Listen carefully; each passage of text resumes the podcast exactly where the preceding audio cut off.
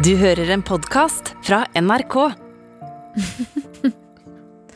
Ja, men det er jo det der når eh, man møter noen En sånn tidlig forelskelsesfase, så blir man jo helt sånn Man blir Altså kan bli helt gal av det, liksom. At det kan eh, gjennomsyre liksom hver en fiber i kroppen og hver eneste tanke. Og så er det sånn Hvis man da har vært mye med det mennesket, uansett om man har eh, fortalt eller er gjensidig eller ikke, så er det sånn når man da plutselig er for seg sjøl, så bare står det og dirrer. Min kollega Silje Nordnes snakker om den første fasen i et kjærlighetsforhold. En slags eh, uskyldens og lykkens, men kanskje også usikkerhetens tid. Og hun vet hva hun snakker om etter å ha laget en podkastserie om kjærlighet som skjærer seg. Jeg har invitert henne for å snakke om en av de vakreste og vondeste kjærlighetsberetningene i norsk historie, nemlig forholdet mellom poeten Gunvor Hofmo og den jødiske flyktningen Ruth Maier. Jeg har tatt med et av Gunvors dikt til Silje, et dikt som ble skrevet helt i begynnelsen av andre verdenskrig, og som handler om både kjærlighet, lengsel og ambivalens. Dette er et dikt som heter eh, Lengsel, som er skrevet av eh, Gunvor Hofmo. Og nå leser jeg det for deg. Lengsel. Min ensomhet synger. Synger. Synger ganske lavt. De svangre kvistene i vasen synger. Værelse. Bøkene synger. Synger. Bildet du malte tungt av toner, synger, synger. Min ensomhet synger så fint fordi du er borte, fordi du er nærest da, en kveld som denne, med lystoner dirrende såre allesteds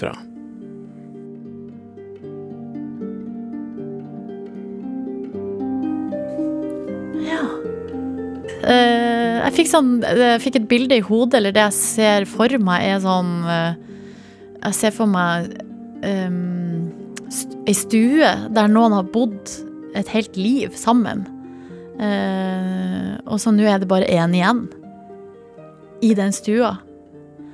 Ja, fordi det er akkurat det jeg også gjør i utgangspunktet. Så ser jeg for meg eh, en gammel dame, da, Gunvor Hofmo, siden hun har skrevet det. En, en på hennes alder, i hvert fall. Som sitter der blant ting, på en måte, i et sånn melankolsk leie. Um, men så skjønner jeg plutselig at dette her er et av Gunvor Hofmos etterlatte dikt. Som hun skrev, som ble funnet da etter at hun var død eh, på 1990-tallet, men som hun skrev da hun var 19 år gammel. Oi! Det er spesielt. Ja, det er Ja, det er spennende å ha sånne tanker når man er 19 år. Ja, det er det. Ja, veldig. Og så ble hun senere en av Norges fremste lyrikere etter krigen og ga ut mange diktsamlinger. Og det er så mye som skjedde i livet hennes som, som, som forbindes sterkt med henne. da. Hun var innlagt på psykiatrisk på Gaustad i 22 år eller noe sånt til sammen. Og, og mistet uh, kjæresten sin, Ruth Maier, uh, under andre verdenskrig, som ble sendt uh, i konsentrasjonsleir med, med skipet Donau. Så de fikk en veldig kort eh, Et veldig kort forhold som varte uh, to år omtrent. Uh, og så skjedde det så mye fælt etterpå, men, men, uh, men det er liksom å prøve å få tak i, da, for at dette diktet skrev hun i løpet av krigen. Og jeg tror hun har skrevet det mens de fortsatt var sammen og, og var kjærester.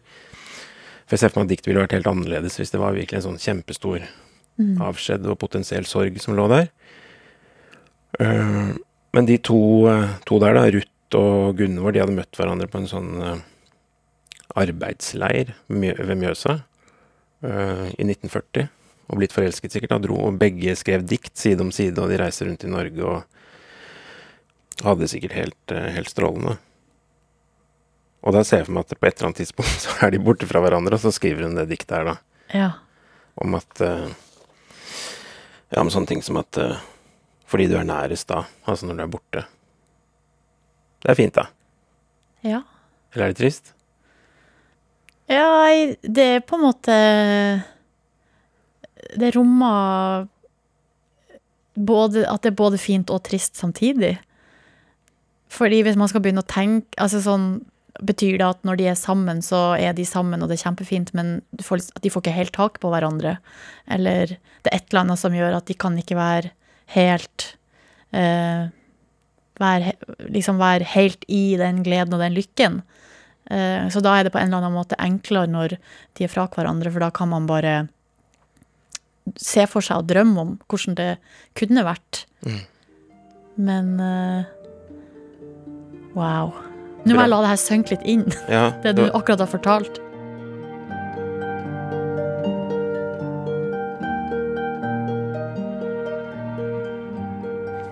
Og he, diktet heter 'Lengsel'.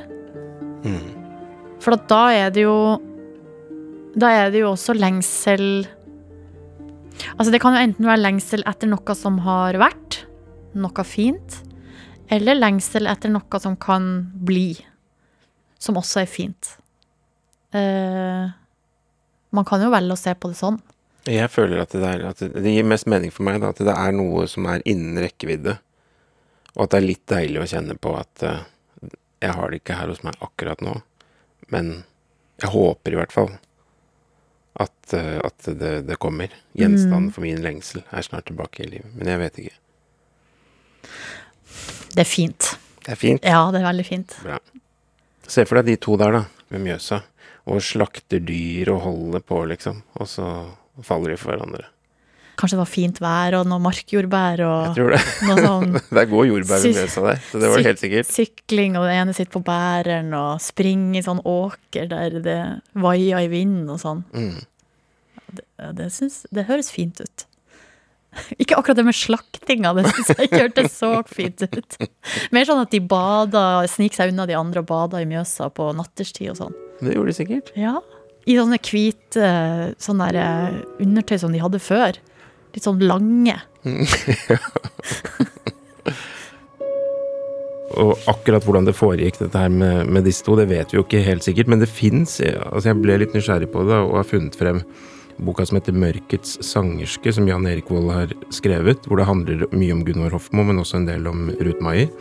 Og han skriver litt om hvordan disse to her traff hverandre på denne frivillige arbeidsleiren øh, ved Mjøsas bredd. Kan jeg lese litt for deg? Ja. Slik var det første gang jeg så henne. Det var julaften, med juletre og sang osv. Men så var det en som nektet å synge Deilig er jorden ved tanken på all krig og elendighet i verden. Da reiste Ruth Maier seg og holdt en gripende forsvarstale for livet, for troen på det. Ordene husker jeg ikke lenger, men vi så i hvert fall våren for oss. Grønne marker. Det sto som et lys fra henne. Ganske fint, da, at, eh, at man har den scenen fra 1940, er det vel? Høsten 1940. Og så kommer det som jeg syns er så fint da med den ambivalente kjærligheten, fordi Ruth skriver, etter å ha vært sammen med Gunvor en god stund, så skriver hun i et brev til slektninger i England i februar, og Gunvor er der. Jeg har elsket henne så lenge at det gjør vondt, men nå vet jeg at hun også liker meg. Hun har et lite kammers, der snakker vi ofte sammen. Der er det. ja. Hva tenker du når du hører dette her, Silje? Nei, altså for det første så tenker jeg jo at de kanskje ikke bare snakka, da. eh, På det lille kammerset. Så det er jo koselig for dem to. Eh, og så syns jeg det er fascinerende å høre om, fordi at det er lenge siden. Det er jo da Ja, det er kjempelenge siden. Og så kan man jo liksom få et inntrykk, fordi det er så få historier. Um, få sånne historier i offentligheten, så da kan man få et inntrykk av at det ikke har eksistert, og at det liksom på en eller annen måte er liksom et nytt fenomen. At uh, med likekjønna par, eller ja. Og så er det jo ikke det. Og så er det fascinerende at, uh, at Ruth her liksom, hun sender brev til kjente i, uh, i England og, og forteller om denne kjærligheten. Så da er hun jo åpen. Og det syns jeg Ja, det er fascinerende å høre om. Ja, for man kan fort tenke at åpenhet og ærlighet på disse tingene, at det er en helt ny, en ny oppfinnelse, nærmest. Ja, eh, og at liksom veldig mange av de få historiene som har vært i offentligheten, har jo liksom bare handla om eh, elendighet, liksom. Og at det ikke Altså at det går, ikke det går på en måte ikke an. Eh, men så er det fint å høre at det på en måte også har vært mulig, da. Altså, jeg har aldri hørt denne historien før. Og jeg har heller ikke hørt om hun, Gunvor. Og så eh, Og det er da en av aller Norges største lyrikere etter i etterkrigstida. Og så har hun da vært sammen med ei dame eh, som har blitt sendt til eh, konsentrasjonsleir. Altså, det er jo Altså, for ei historie! Hvorfor er ikke den her Hvorfor har ikke det her blitt film? Er det mulig? At, at det her er historier som man har tenkt at ikke har noe plass, liksom, i den offisielle historien om Norge? For det tok lang tid før dette ble Altså i noen kretser ble en kjent historie. Jan Erik Mm. Vold har jo skrevet uh, biografi om Gunvor Hofmo og har etter hvert uh, fått gitt ut eh, dagbøkene til Ruth Maier og sånn.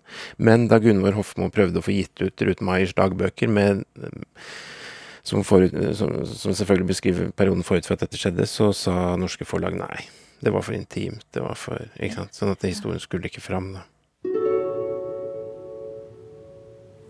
Altså, diktet heter jo 'Lengsel'. Det, altså, jeg skal et stykke tilbake i tid for å finne den der helt elleville lengselen. Altså hvor du er sånn dramatisk, som om det er et verdenshav eh, som skiller deg fra den andre, og som om det ikke fins noen andre kommunikasjonsformer enn saktegående brev, på en måte. Men har du et sånn konkret minne om at du har vært sånn helt eh, over the top av lengsel? Eventuelt gått til drastiske skritt? Altså, jeg har jo kjent på sånn der brennende lengsel. Det har jeg. Eller det var en gang jeg var stormende eh, Eller greia var at jeg hadde bestilt en tur til eh, Argentina på ferie. Eh, Og så, etter at jeg hadde bestilt den turen, så ble jeg forelska. Sånn skikkelig, skikkelig. Sånn at det som skulle være en sånn frigjørende eh, sånn der eh, independent woman-tur, endte jo opp med å bli en tur der jeg bare gikk og savna og lengta da etter den som jeg var forelska i. Men det som er forskjellen liksom fra det til denne historien da med Ruth og Gunvor, det er jo at vi Altså, jeg hadde jo mobil. Og, og eh, internett, liksom. Så det var jo ikke noe, på en måte noe problem å, å ta kontakt. Men det som det endte med, var jo bare kjempestor telefonregning. Fordi jeg gikk rundt i Buenos Aires og skulle egentlig være sånn der eh, Det er det man på in- eh, TikTok kaller for main character, altså som skal være liksom hovedperson i sitt eget liv. Og det romantiseres jo veldig med at man leser bok eh, alene i, på en kafé, eller går og spiser på restaurant alene, og liksom, man liksom bare tar helt sånn grep om egen, sitt eget liv. Mens jeg gikk bare rundt i Buenos Aires og ringte hjem. og snakka på telefon. Ja, og sendte SMS og sikkert snaps, eller jeg vet ikke. Så, eh, så da, da rekker jo liksom ikke lengselen kanskje å bli helt sånn dirrende heller. Fordi at det er så lett for oss å ta kontakt med hverandre. Så det, så øh, kan jeg jo kjenne at jeg liksom også kan, jeg kan romantisere det veldig sånn tenk før i tida når de dro opp til sjøs. Og så sendte de brev, og de, man visste ikke engang om den, øh, den elskede var i live. Altså de der Men altså, jeg klarer ikke å Jeg klarer jo ikke å egentlig sette meg inn i hvordan det føltes. Det går jo ikke an. Og at liksom når mannfolkene for på havet, så gikk eh, kvinner og barn opp på fjellet hver dag for å speide utover havet og se om de kom. Og så når de så dem endelig kom, fra Lofoten da for eksempel, så sprang ungene hjem. 'Nå kommer de! Nå kommer de!' Eller sånn. Og da visste de ikke engang hvem som kom. Det kunne være kanskje det en som ikke var med. Han hadde ramla på havet. Herregud, er det mulig? Ja, for det vi har i våre dager, er jo at uh, man kan kjenne den der uh, lengselen etter noen, og så sender man melding, og så svarer de ikke. Eller at du ser at eh, vedkommende har lest meldinga. Eller du kan til og med se Å ja, hun er pålogga. Jeg ser den grøde, grønne prikken på Instagram eller Facebook. Hvorfor svarer hun ikke? Um, og det Det er jo en helt forferdelig følelse, men så er jeg litt usikker på Jeg tror kanskje ikke at det kan sammenlignes med å f.eks. ha sendt et brev ut i På en måte ut i verden. Og så går du og venter og venter venter på svar, eh, som også det jo, Og det er jo Den følelsen kan jo ikke vi kanskje relatere til, for vi har ikke opplevd det.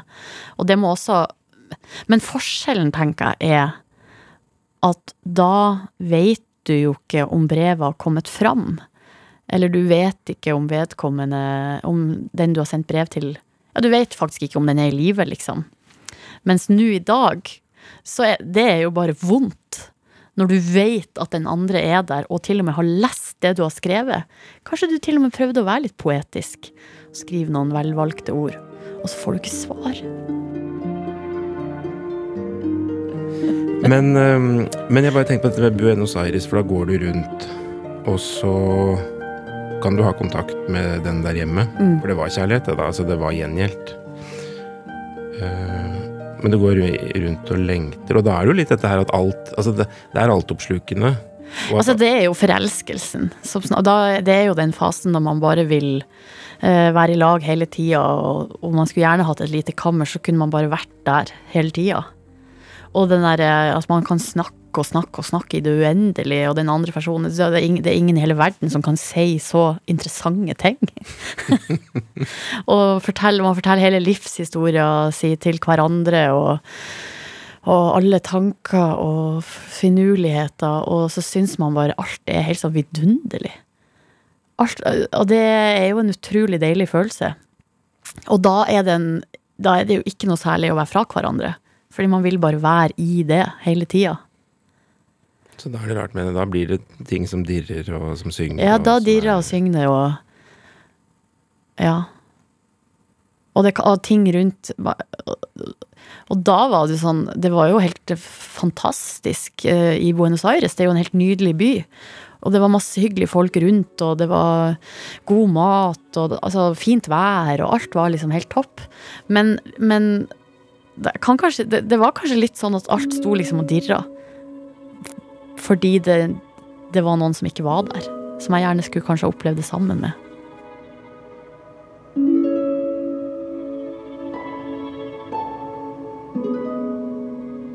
Da leser jeg diktet en gang til. Tusen takk for at du kom, eh, Silje Nordnes. Takk for at jeg fikk komme. Nå skal jeg altså lese diktet 'Lengsel' eh, av Gunvar Hofmo.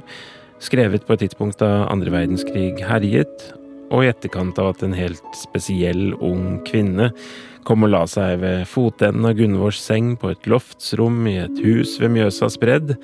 Et dikt om å være sammen og ikke være sammen.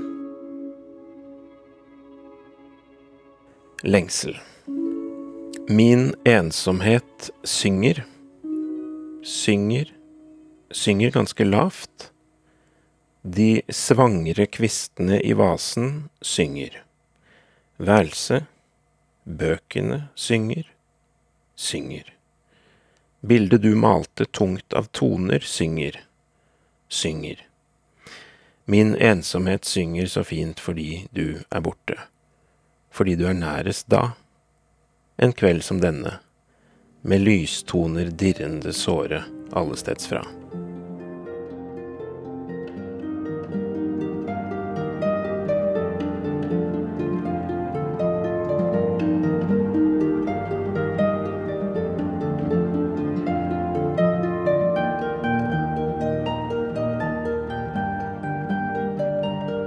Denne podkasten er laget av meg, Hans Olav Brenner, Kristine Lossius Torin og Janne Kjellberg. Redaksjonssjef Helle Vågeland. Helt på tampen har jeg lyst til å dele en liten eh, kuriositet, en liten faktaopplysning. Nemlig det at eh, blant alle dere som hører på denne diktdelingspodkasten, så befinner det seg én person som også, ved siden av å like denne podkasten, er med i underholdningsserien Maskorama. Jeg snakker ikke om eh, programleder Silje Nordnes, som nettopp var gjest her, men det er altså en person som er inni en maske, og som fremstår på TV med rar stemme. Jeg snakker om Dandyen. God dag! Jeg er dandyen i Maskorama. Og om meg kan det være fint å vite at jeg liker podkasten Brenner deler dikt. Jeg må jo si at det er litt uh, uventet, kanskje, at det er akkurat i denne dikteringspodkasten du får de beste uh, Maskorama-hintene. Men vi har faktisk klart å få dandyen til å svare på hva som er hens favorittdikt.